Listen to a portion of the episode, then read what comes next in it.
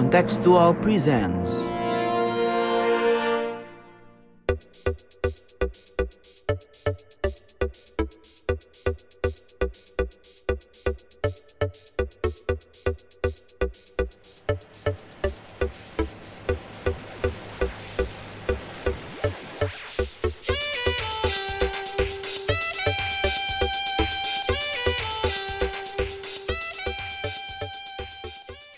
Selamat datang kembali di podcast kasual, katanya kontekstual. Yoi, halo halo semuanya.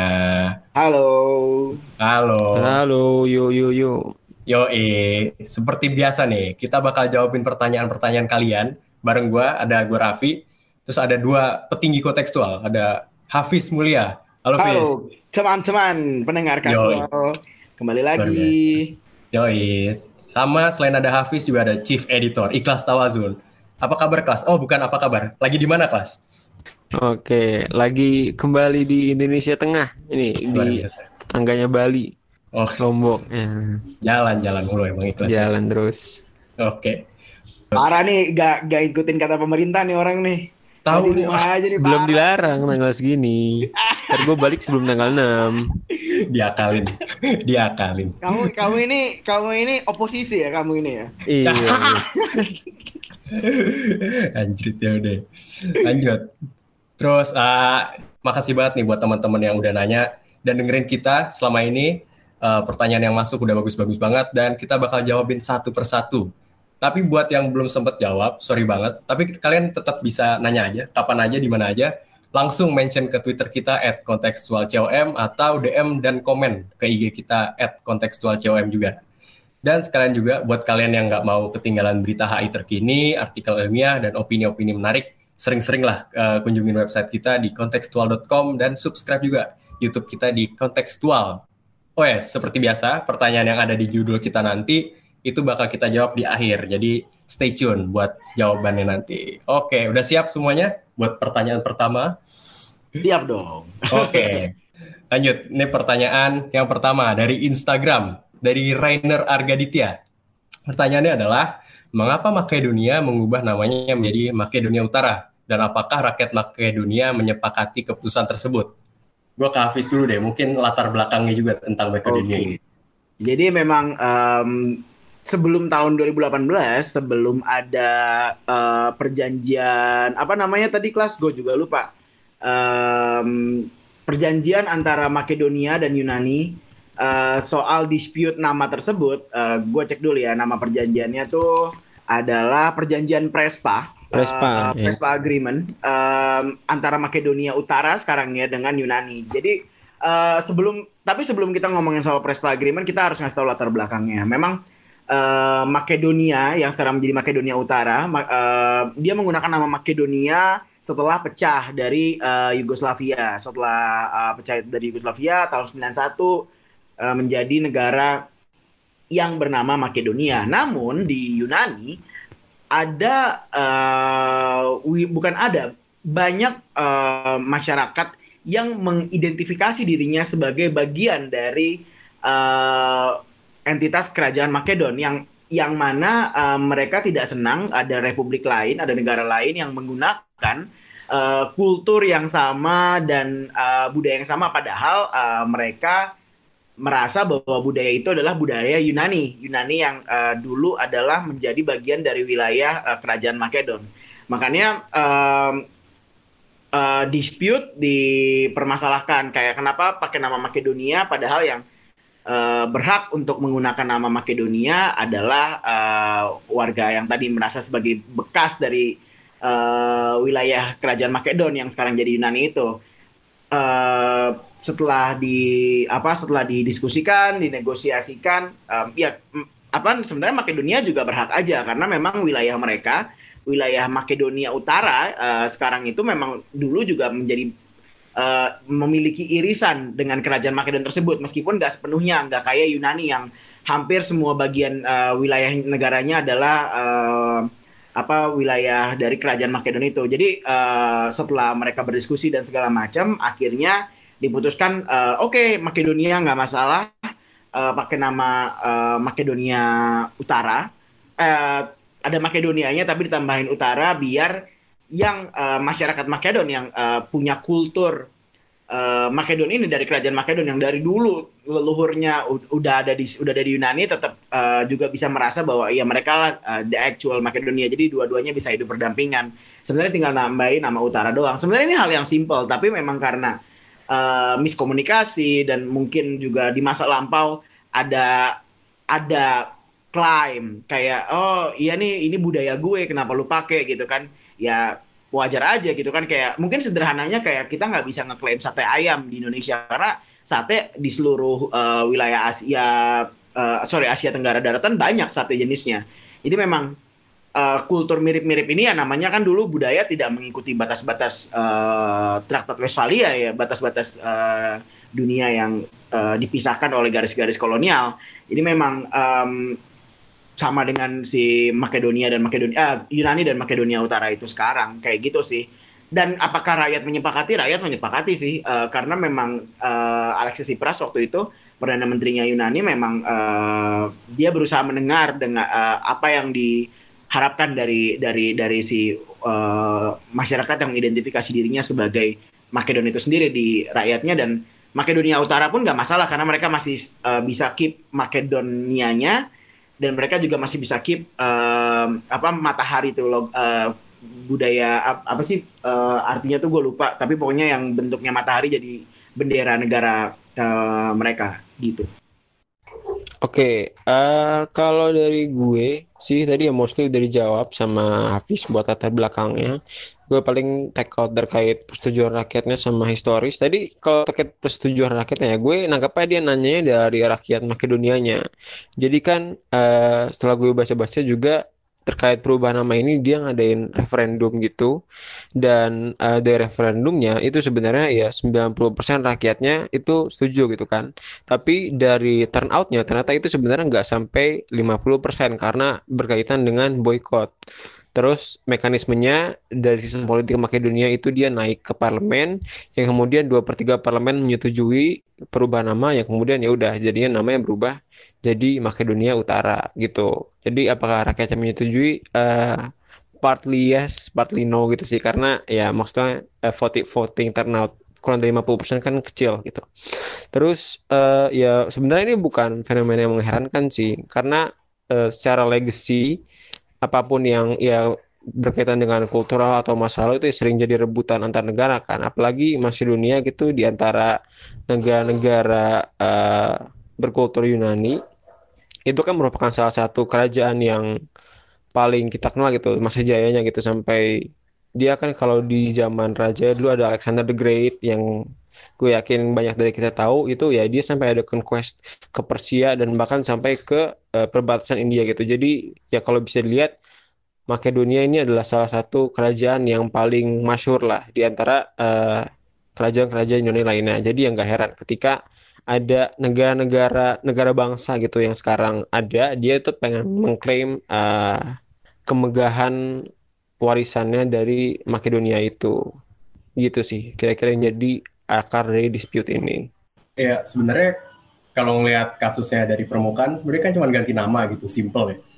Uh, gue menanya ke Ikhlas, ada nggak sih politiknya gitu ke mereka kan tetanggaannya sama Yunani gitu.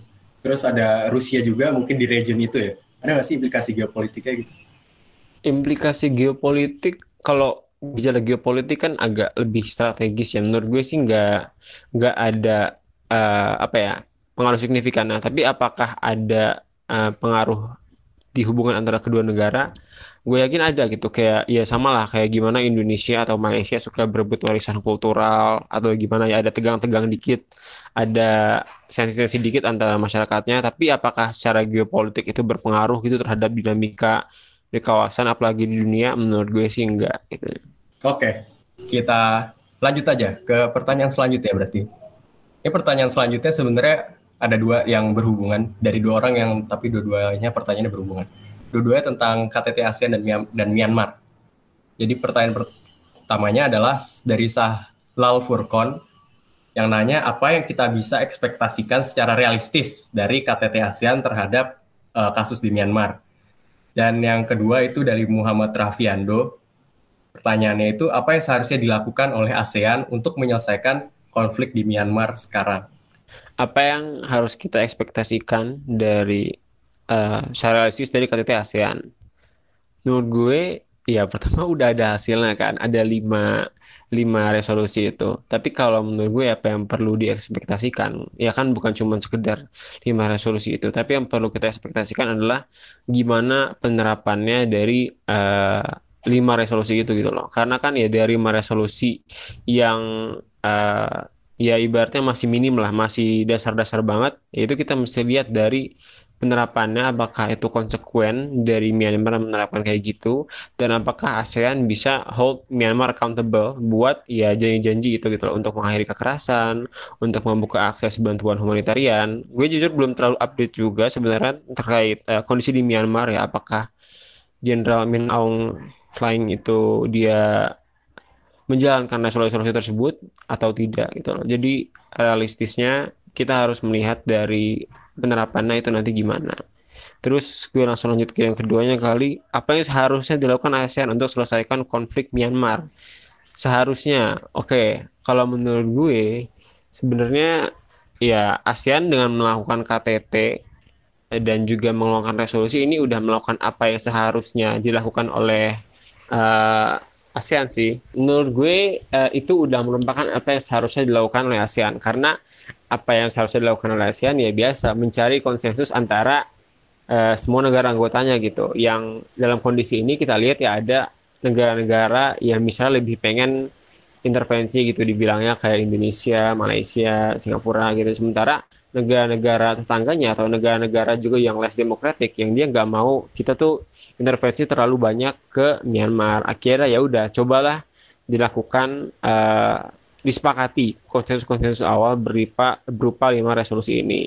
Tapi kalau menurut gue ya apa yang gue expect ke depannya yang menurut gue seharusnya dilakukan ya ASEAN setelah resolusi ini uh, dilaksanakan gitu oleh oleh Myanmar ya udah kayak what's next. Menurut gue ASEAN harus bisa melakukan mengeluarkan gitu resolusi atau tindakan yang lebih bold lagi dari uh, sekedar menghentikan kekerasan dan membuka akses sebagai bantuan kemanusiaan dan mediasi-mediasi mediasi untuk menyelesaikan uh, konflik di Myanmar ini gitu loh. Gitu sih kalau dari gue. Kalau dari gue, um, yang bisa kita ekspektasikan secara realistis dari KTT ASEAN adalah menjadikan KTT ASEAN sebagai bentuk peer pressure aja jadi kalau memang pengen ekspektasinya realistis ya udah KTT ASEAN sudah melakukan apa yang sudah uh, seharusnya dilakukan menjadi peer pressure kepada negara-negara lain untuk uh, upholding certain uh, human rights uh, sorry human rights. What's human rights? Human rights terus uh, ya nggak lebih dari itu uh, karena balik lagi nafasnya ASEAN dan Uh, kalau kita ngelihat beberapa tulisan scholars yang memang meneliti di ASEAN kayak uh, Mas Andrew Mento Mantong, Mas uh, siapa? Mas uh, Sofwa eh Mas Sofwan nggak tahu nulis apa enggak Mas Ali Mas Ali. Mas Ali. Uh, ada ada dua ada satu lagi gue lupa siapa. Uh, pokoknya ada beberapa scholars Indonesia yang menulis soal ASEAN ya. Mereka menyebutkan bahwa this is the best ASEAN uh, what ASEAN can do dan ini juga uh, memang uh, ASEAN has done its part. Jadi memang uh, secara realistis ya KTT ASEAN hanya menjadi peer pressure. Apakah menurut gue uh, cukup? Menurut gue sih enggak. Jadi kalau misalnya ditanya apa yang seharusnya dilakukan ASEAN untuk selesaikan konflik uh, Myanmar ya, menjadi regional bodies yang menjadi uh, kepanjangan tangan dari uh, dari perlindungan atas uh, masyarakatnya gitu.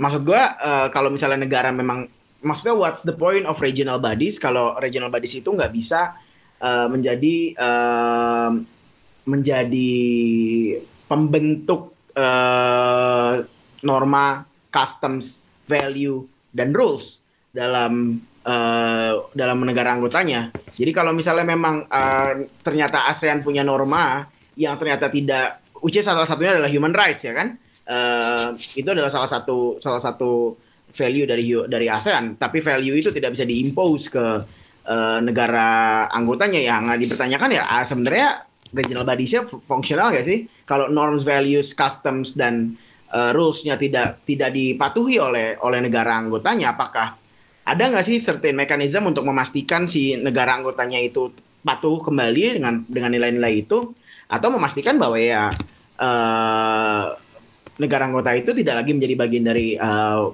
dari dari dari regional bodies itu gitu. Maksud gue uh, ya yang seharusnya dilakukan ASEAN ya memastikan bahwa value yang mereka punya itu tersalurkan sampai ke level masyarakat. Tapi kan kenyataannya enggak. Jadi uh, ya itu balik lagi itu limitasi uh, keterbatasan yang dimiliki oleh Asia Tenggara, uh, sorry oleh ASEAN dan ya Asia Tenggara dengan nafasnya yang memang masih penuh dengan kedaulatan, nasionalisme, patriotik itu memang menjadi uh, pada akhirnya nilai utama dari ASEAN, patriotik dan menjunjung tinggi kedaulatan, bukan value-value yang tadi gue sebutin kayak human rights atau um, any other things. Oke, kalau berarti kalau kata scholar-scholar Indonesia tadi berarti yang dilakukan ASEAN udah the best the best ASEAN can do kan berarti. Dan tapi menurut lo juga itu belum cukup. Nah, what's holding ASEAN back gitu? Kenapa cuma bisa kayak gitu doang gitu? Pertama ketakutan akan pertama ketakutan akan penjajahan ya pasti. Uh, maksudnya gini, uh, oke okay, ASEAN um, adalah most of them adalah bekas negara-negara yang dulu dijajah, sehingga uh, ketika ada entitas lain, uh, gagasan postkolonial itu akan muncul, identitas postkolonialnya akan muncul. Takut nih kayak wah kalau misalnya ada intervensi dari luar, R2P ini bentuknya penjajahan lagi dari Amerika misalnya. Responsibility to protect ya. Atau misalnya ada supranational bodies, wah kita menyerahkan lagi nih kedaulatan yang sudah capek-capek kita rangkuh dari penjajah, kita kasih lagi ke entitas yang levelnya supranasional. Itu yang dimiliki juga sama uh, Brexit kan. Kenapa Brexit terjadi juga karena ada pandangan soal kedaulatan yang dikompromikan ke level supranasional, ke level uh, organisasi kawasan. Nah, menurut gue ketakutan-ketakutan itulah yang holding ASEAN back ya pada akhirnya memang itu realitanya.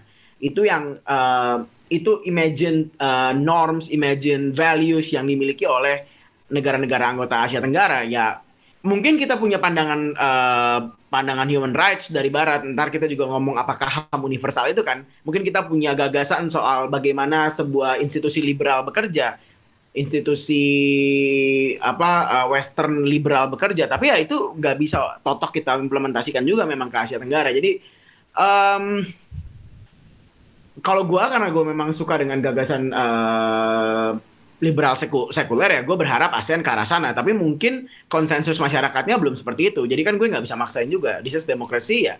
Demokrasi ya berujung pada uh, masyarakat yang masih meminta kedaulatan lebih besar ke di tangan negara masyarakat yang tidak lagi yang belum membutuhkan regional bodies yang tidak melihat uh, signifikansi dari adanya regional bodies kayak Asia Tenggara kayak ASEAN gitu kayak atau kayak EU bahkan lebih parah lagi jadi memang at the end um, um, gagasan postkolonial dan gagasan patriotik kedaulatan nasionalisme itu akan masih lebih kuat di negara-negara Asia Tenggara karena historisnya tadi dan that's what holding ASEAN back kalau menurut orang-orang yang pandangannya liberalisme sekuler tapi kalau buat orang-orang yang mungkin uh, pandangannya lokalisme, yang pandangannya percaya dengan nilai-nilai kultur di Asia Tenggara ya, mungkin itu melihat that's the best ASEAN can do. There's, it's not, there, there is no, uh, some, there, there isn't something yang holding ASEAN back. It's simply ASEAN kayak emang kayak gitu value-nya. That's that's that's it gitu. Pas lo ada respon. Uh, kalau dari gue, what's holding ASEAN back? itu dinamika di ya gue sih lebih perspektifnya yang state ya uh, jadi gimana dinamika antara negara-negara itu tadi ada some negara-negara tuh yang berkepentingan buat ya konflik di ASEAN ini uh, konflik di Myanmar ini cepat mereda terus kita balikin lagi ke rezim demokratik atau ada juga yang berkepentingan uh, kebalikan gitu yang dia emang negaranya ya cenderung dekat dengan Myanmar dan rezim yang berkuasa di negara-negara yang masing-masing itu juga cenderung undemokratik atau bahkan militer atau bahkan otoriter. Jadi uh, ya what place the main dynamics di ASEAN itu kan ya dinamika antar negara itu antar kepentingan negaranya. Bukan berarti masyarakat sipil nggak berpengaruh, bukan berarti norma human rights atau tekanan internasional nggak berpengaruh. Semuanya berpengaruh, tapi uh, ya semuanya baik lagi kepada negara-negara. Gue tanya gitu loh, and that's what's holding ASEAN back so far gue. Oke oke oke, thank you. Udah puas sih kalau gue dari jawaban-jawabannya. Kita lanjut aja kalau kayak gitu ke pertanyaan ke keempat apa keberapa lupa. Pertanyaan dari Sedana Kusuma. Pertanyaannya dalam sekali. Kira-kira praktik demokrasi di Indonesia itu sudah sesuai dengan arti demokrasi sebenarnya apa buk apa belum? Atau justru mulai beralih ke post demokrasi? Waduh. Tadi apa kelas eh, yang lo riset post demokrasi itu eh, apa eh, ininya sebutannya? Post post demokrasi itu dia ya intinya masih penerapan demokrasi secara itu secara prosedural, tapi in uh, apa namanya in practice sebenarnya tuh ya udah semakin terkonsentrasi kekuasaan. Jadi kayak bentuknya semakin elitis dan semakin aristokratik Otoritarian gitu, ya? pemerintahan. Nah, eh, nggak nggak necessarily otoritarian sih, kayak tetap demokratik. In tendensinya ke arah sana. tendensinya tendensinya ya tendensinya tuh melepas ya partisipasi rakyat dari proses pemilihan eh, penentuan politik gitu. Oke, itu sama jadi kayak illiberal demokrasi gitu. Em, Hmm. hmm, enggak menurut gue. Illiberal demokrasi kalau menurut gue ah oke. Illiberal demokrasi yang dalam makna konvensional iya. Tapi dalam makna yang sebenarnya non liberal demokrasi kayak eh, musyawarah mufakat tuh non liberal demokrasi. Oh iya. iya. Jadi memang eh, kalau illiberal demokrasi benar, non liberal demokrasi maksud gue tadi musyawarah mufakat. Itu kan demokrasi tapi demokrasi langsung, bukan liberal demokrasi yang pakai voting kan. Gitu sih. Yang non western gitu kan liberal demokrasi. Oh, Eh, demokrasi ya, sorry. Gitu. Tapi eh, anyway, ya menurut gue sih em, ini dari pandangan masyarakat, dari pandangan warga Indonesia, seorang warga Indonesia yang optimistis ya sama negaranya. Menurut gue, Indonesia belum belum ke arah sana. eh iya, ada ada ada ruang-ruang yang semakin sesak ya, ada ruang-ruang yang semakin terbatas eh, buat kita menyuarakan. Ada UU ITE karena ada undang-undang hal yang apa undang-undang yang bikin lo takut di penjara atau lo semakin sesak karena lo nggak bisa menyuarakan eh, social welfare eh, lebih baik lagi kayak dulu dan segala macam. But at the at the at the mm, grassroots level, at least at the society level, eh, kita masih bisa punya eh, a certain degree of democracy yang berfungsi dengan baik dan benar. Demokrasi kita tuh sukses loh. Eh, sorry, pemilu kita tuh sukses loh. Pem- Pemilu kita sukses dan hari ini kalau lo ingin menyampaikan eh, pendapat lo yang berbeda dengan pandangan eh, seorang eh, anggota DPR misalnya, lo masih nggak akan dibunuh tiba-tiba atau lo masih nggak akan tiba-tiba hilang atau lo tiba-tiba nggak akan diinjek. Gak kayak eh, misalnya di Thailand yang, aduh gue malas ngomongin Thailand karena ntar gue susah ke Thailand ya. Tapi di di negara lain gitu, di negara lain eh banyak yang bahkan sampai lu ngomong di ruang publik aja lu nggak bisa. Menurut gue itu post demokrasi yang mungkin dulu lebih bisa. Tapi sebenarnya memang ada strong uh, states uh, dalam uh, beberapa tahun terakhir yang muncul di Indonesia. Tapi apakah itu menghen- menghenyakkan demokrasi itu, menghilangkan demokrasi di Indonesia menjadi ke level post demokrasi atau bahkan ke level otoritarian tendensinya menurut gue masih bisa kita selamatkan. Masih bisa kita selamatkan banget sih. Eh, masih banyak ruang-ruang publik yang lantang. Di Twitter eh, basically censorship sangat sedikit. Orang tuh berak kita tuh kalau kita ngomongin buzzer, kita ngomongin eh Covidiot, kita ngomongin orang-orang yang ada di Twitter atau di Instagram yang menyampaikan pendapatnya tapi secara secara apa ya, secara tidak rasional atau mungkin secara kalau kita anggap kayak "Bu, bego banget sih nih orang gitu. Tapi sebenarnya tapi sebenarnya itu adalah demokrasi.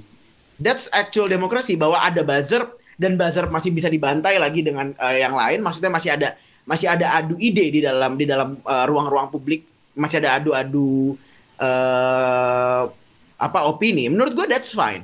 Tapi kalau karena lu ya udah lu lu mau jadi buzzer, lu mau jadi Islamis, lu mau jadi apa, lu masih bisa mengutarakan pendapat lu. Meskipun sekarang makin terbatas, gue akuin. Tapi belum belum post demokrasi atau belum otoritarian. Kita masih demokrasi tapi memang terbatas. Oke, langsung gue ya. Lo nggak usah takut ngomong soal Thailand sih, Fis. Kan gue yang ke Thailand ya. Asik. Kapan ke Thailand nih jadi deh? Nanti lah, direncanakan aja, gampang. Oke, jadi eh nah, tadi gue biar nggak miss ya pertanyaan, praktek demokrasi Indonesia sudah sesuai dengan arti demokrasi atau beralih ke post demokrasi? Eh, ya sebenarnya kan dari demokrasi sendiri ya ada banyak like model demokrasi ada yang barat, ada yang eh, demokrasi langsung, ada yang juga ya kayak model-model di Asia. Tapi ya udah menurut gue kita coba fokus ke post demokrasinya.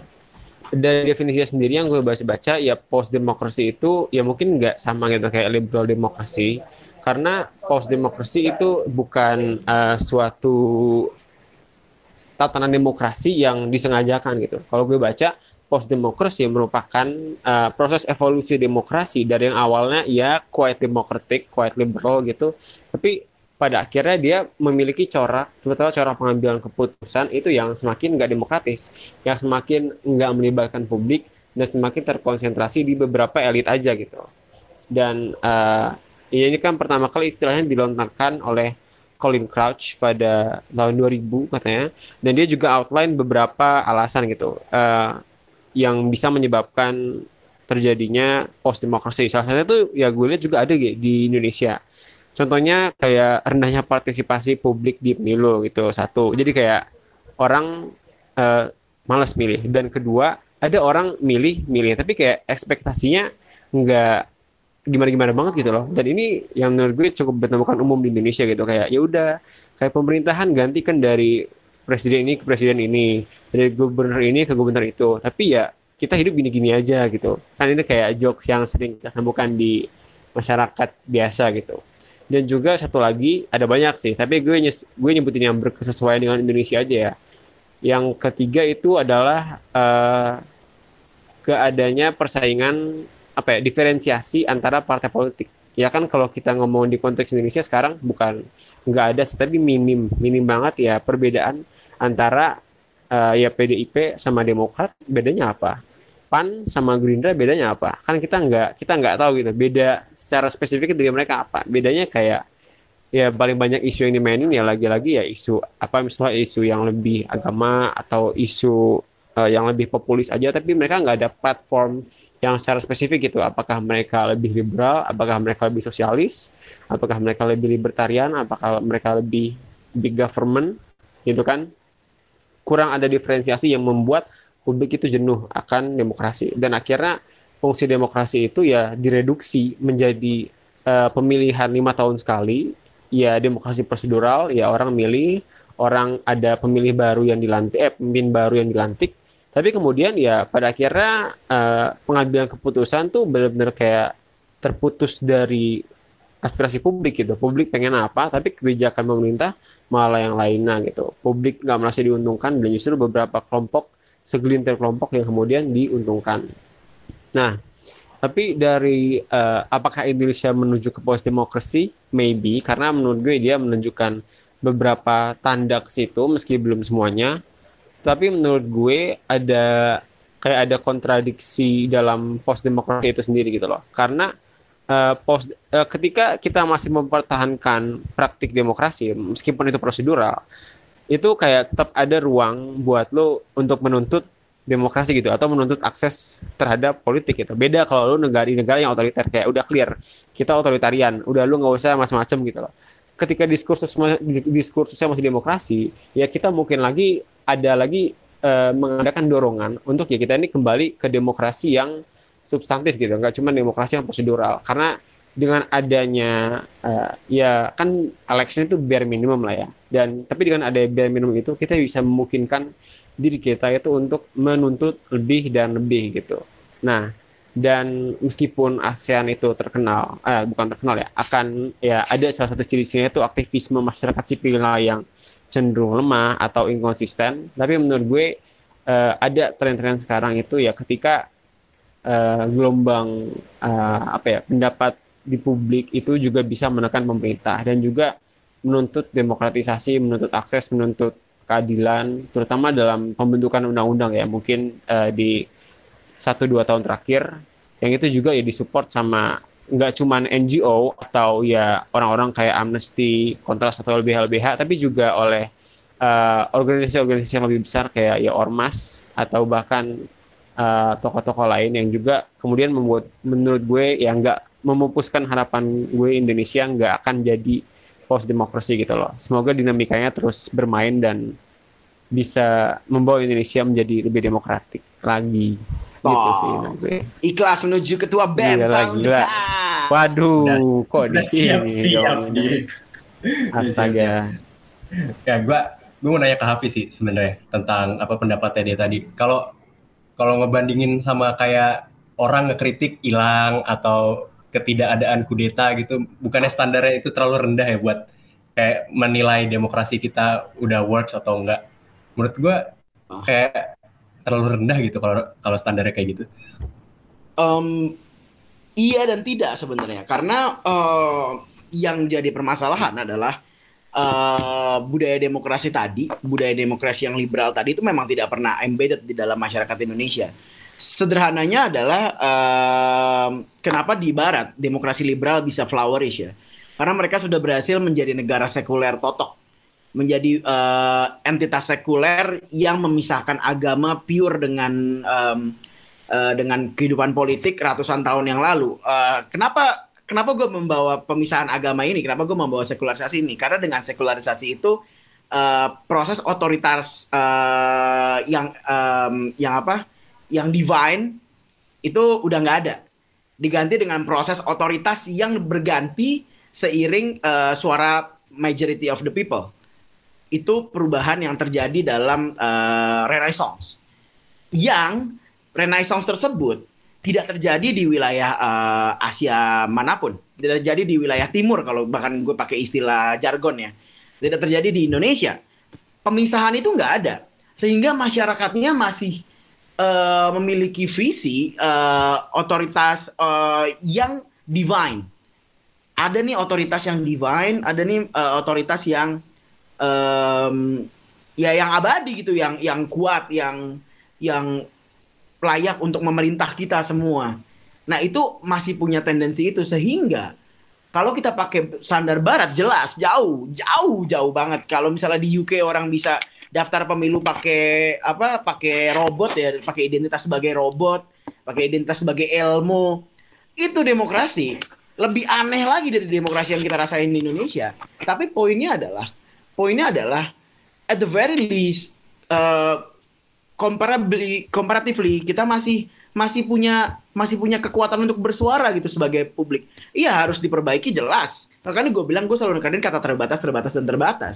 Karena memang demokrasinya ada tapi terbatas.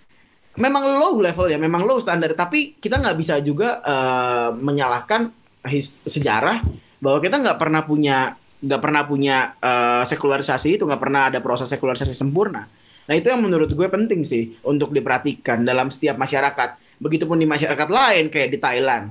Belum pernah ada renaissance di Thailand. Gak pernah ada renaissance di Myanmar, renaissance di Malaysia, di Brunei. Mereka ada revolusi. Mereka ada proses demokratisasi, demokratisasi iya. Tapi seberapa cepat? Renaissance itu evolusi. Renaissance itu proses dan tarik menariknya juga kuat. Nah itu yang nggak ada di Asia Tenggara lah paling nggak kita pakai wilayah yang spesifik ya. Itu nggak ada terjadi di Asia Tenggara. Nah makanya harapan besarnya adalah bahwa ini menjadi masa renaissance kita. Bahwa transisi demokrasi terbatas ini menjadi masa renaissance kita. Jangan sampai kita nyebur ke post demokrasi atau ke otoritarian lagi.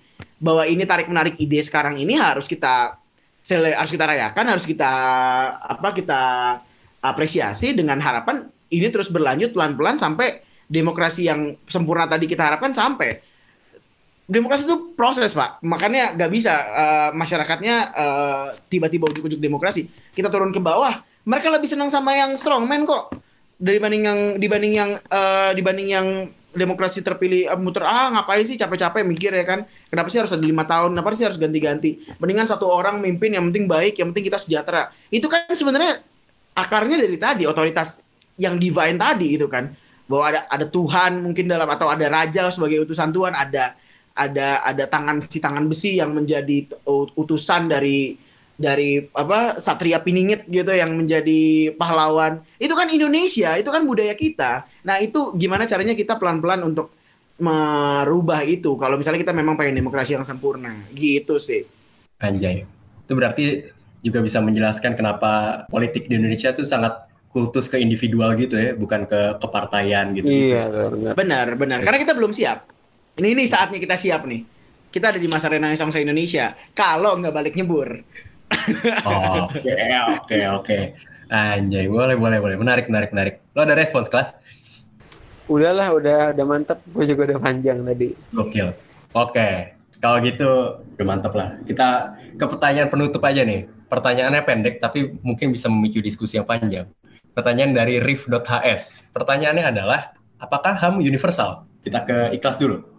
Oke, ya klaim dan uh, pemahaman yang digulirkan ya sering kali adalah bahwa HAM itu universal. Ya, HAM ya namanya juga hak azasi merupakan hak-hak yang uh, dimiliki oleh manusia, setiap manusia itu yang dimiliki sejak dia lahir dan diberikan oleh Tuhan segala macam bla bla bla bla bla gitu kan. Kita tahunya biasanya dan it's basically it's universal and it's inalienable gitu. Nah, tapi apakah demikian? Karena kan sebenarnya HAM itu mencakup hal yang luas gitu. Kita nggak cuma bicara soal hak untuk hidup, hak untuk pendidikan, atau hak uh, untuk ekonomi yang lainnya itu uh, yang mungkin nggak terlalu dispute, tapi itu juga bicara hak-hak yang mungkin masih jadi banyak perdebatan gitu di berbagai penjuru dunia. Eh, ya, gue bisa soal kasus-kasus spesifik ya, ya misalnya hak untuk aborsi atau enggak, terus hak untuk LGBT atau bahkan even hak untuk mati gitu dan banyak hak-hak lainnya yang membuat sebenarnya menurut gue ya HAM itu not really that universal gitu. Karena uh, apa ya? Dalam penerapan HAM sendiri juga sebenarnya dikenal ada istilahnya tuh cultural relativity. Ya untuk yang memahami kalau yang enggak enggak semua itu apa ya nggak semuanya itu sama gitu. Nggak semua itu bisa disamakan kalau ya ham pokoknya sama semuanya kayak gitu. Cultural relativity itu uh, mengajak kita gimana caranya kita tuh untuk nggak cuma memakai kacamata kita sendiri. Maksudnya gimana uh, apa ya jelasnya gampangnya gue? Cultural relativity ya kita nggak melihat budaya orang lain atau perspektif orang lain itu dari perspektif kita gitu.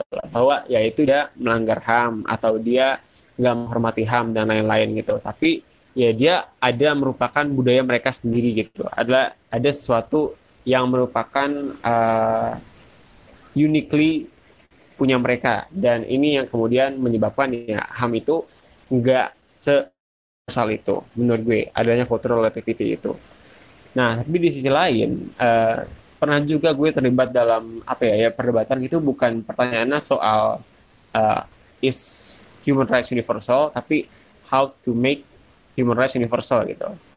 Nah, jadi kalau menurut gue sendiri sebenarnya ya di beberapa aspek mungkin uh, uh, human rights itu bisa diuniversalkan misalnya ya kayak right to life gitu atau uh, the right to speech dan lain-lain. Tapi pun begitu ternyata gue masih menemukan ya banyak juga kontradiksi uh, di uh, wilayah di uh, setiap bagian dunia gitu di setiap budaya dan di setiap masyarakat.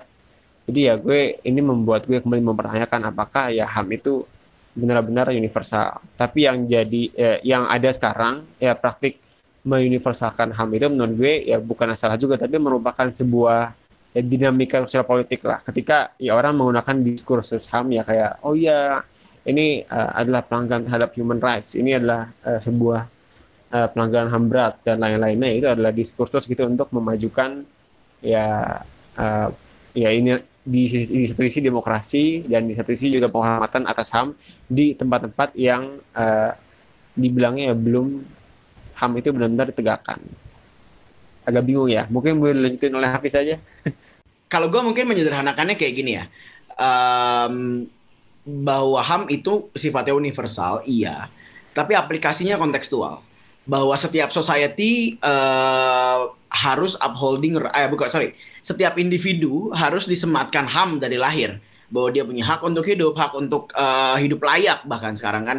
Uh, tapi bahwa setiap masyarakat juga bebas mendefinisikannya dalam kerangkanya masing-masing. Tapi yang pasti HAM itu diaplikasikan dalam kerangka masyarakatnya. Dan itu memastikan memastikan bahwa budaya uh, masyarakat itu tetap terjaga. Karena banyak dari ham yang akhirnya uh, blind atas uh, cultural relativist, relativity tadi kan. Tapi at the same time uh, perlu nih kayak misalnya kita ngomongin soal uh, gini kita ngomongin budaya honor killing di Pakistan. Ini salah satu yang pernah gua riset dulu uh, bahwa orang dibunuh simply karena dianggap uh, perempuan dibunuh simply dianggap karena malu-maluin keluarga mulai dari nggak mau nikah sama orang pilihan apa cowok pilihan keluarga sampai bahkan uh, memakai pakaian yang seronok aja bisa dibunuh tuh karena si honor killing tersebut itu kan nggak human rights. Nah menurut gue human rights itu sifatnya universal in which bahwa honor killing harus di uh, abolish. Tapi at the same time bukan berarti uh, HAM yang universal membuat seluruh budaya dari uh, yang dimiliki oleh orang Pakistan itu menjadi harus dihapuskan, gitu loh. Jadi pa, pa, pa, pa, penye, apa pengaplikasiannya yang kontekstual pada hal-hal yang pada hal-hal yang intinya memastikan bahwa orang berhak untuk hidup. That's it. Sisanya terserah. Kalau gue sih gitu. Kalau gue pribadi ya, Oh. gue melihatnya kayak gitu. Bahwa sampai titik di mana lo nggak boleh membunuh orang dengan alasan eh, X. Bahkan ya kalau gue eh, apa kita capital punishment sesuatu yang menurut gue udah udah udah udah udah di luar ham bahkan menurut gue. Menurut gue. Jadi memang eh, that's that's how we apply eh, ham dalam konteks universalnya tadi tapi peng- pengaplikasiannya kon- kontekstual. Memang susah memang memang eh, lo akan lo akan menemukan hambatan banyak banget lo ngomongin universal terus hambatannya relativity kalau lo ngomongin relativity wah lo nggak memperjuangkan ham tapi percayalah itu satu-satunya jalan eh, untuk memastikan bahwa eh, setiap kultur tetap terjaga cuy setiap eh, sorry setiap keberagaman tetap di tetap dijaga kalau gue gitu Oke, gue respon kali ya. Eh berarti ya Silakan. kalau lo lo berarti in a sense ya yang the only thing universal about human rights itu terkait yang paling bare minimum tadi kayak rights to life gitu kan. Itu. Em, gimana ya? Eh, ya ya itu kan eh, ya tadi ada hambatan terkait relativity juga dan sebenarnya banyak contoh di budaya-budaya gitu ya. Gue nggak tahu sih misalnya yang agak mistik gitu. Misalnya kalau ada musim paceklik berkepanjangan maka harus ada eh, bunga desa yang dikorbankan atau gimana gitu kan yang something something kayak gitu yang ya gue nggak tahu apakah itu bisa di eh, dirubah oleh human rights gitu. Nah cuman gue sih balik lagi. Ya itu ya benar kalau kata Hafiz tadi ya ketika itu terkait rights to life ya dia tetap keep most dari budaya itu preserve tetap kayak gitu. Tapi ya nggak bisa dinafikan juga bahwa ya human rights have changed something gitu loh. Dan sebenarnya gue tuh stance gue nih uh, human rights pertama human rights tuh nggak universal. Tapi at the same time ya kita nggak bisa menafikan juga kalau dinamika yang terjadi sekarang. Dan pada umumnya baik di konteks nation states ataupun dunia internasional itu adalah ya konvergensi norma kayak gitu deh. Dan ya ini agak ada hubungannya juga ya dengan dominasi Amerika Serikat liberalisme dan segala macam.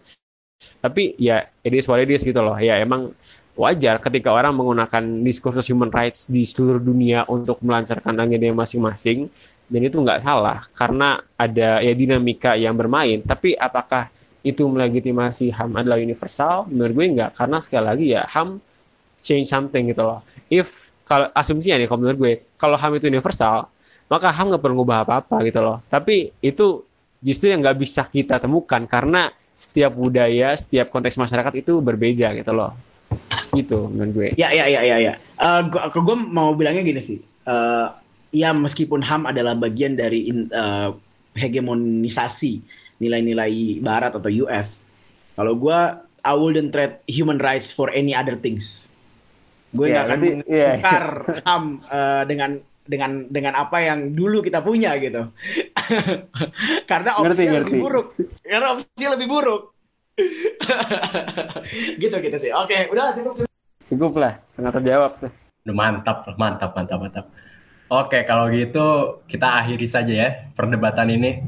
Perdebatan tentang HAM universal dan lain-lain. Eh, kalau gitu, buat teman-teman yang udah dengerin sampai habis, thank you banget.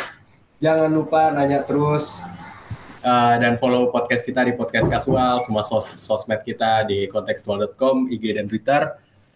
Gua Raffi, Hafiz dan Ikhlas cabut dulu. Dadah. sampai jumpa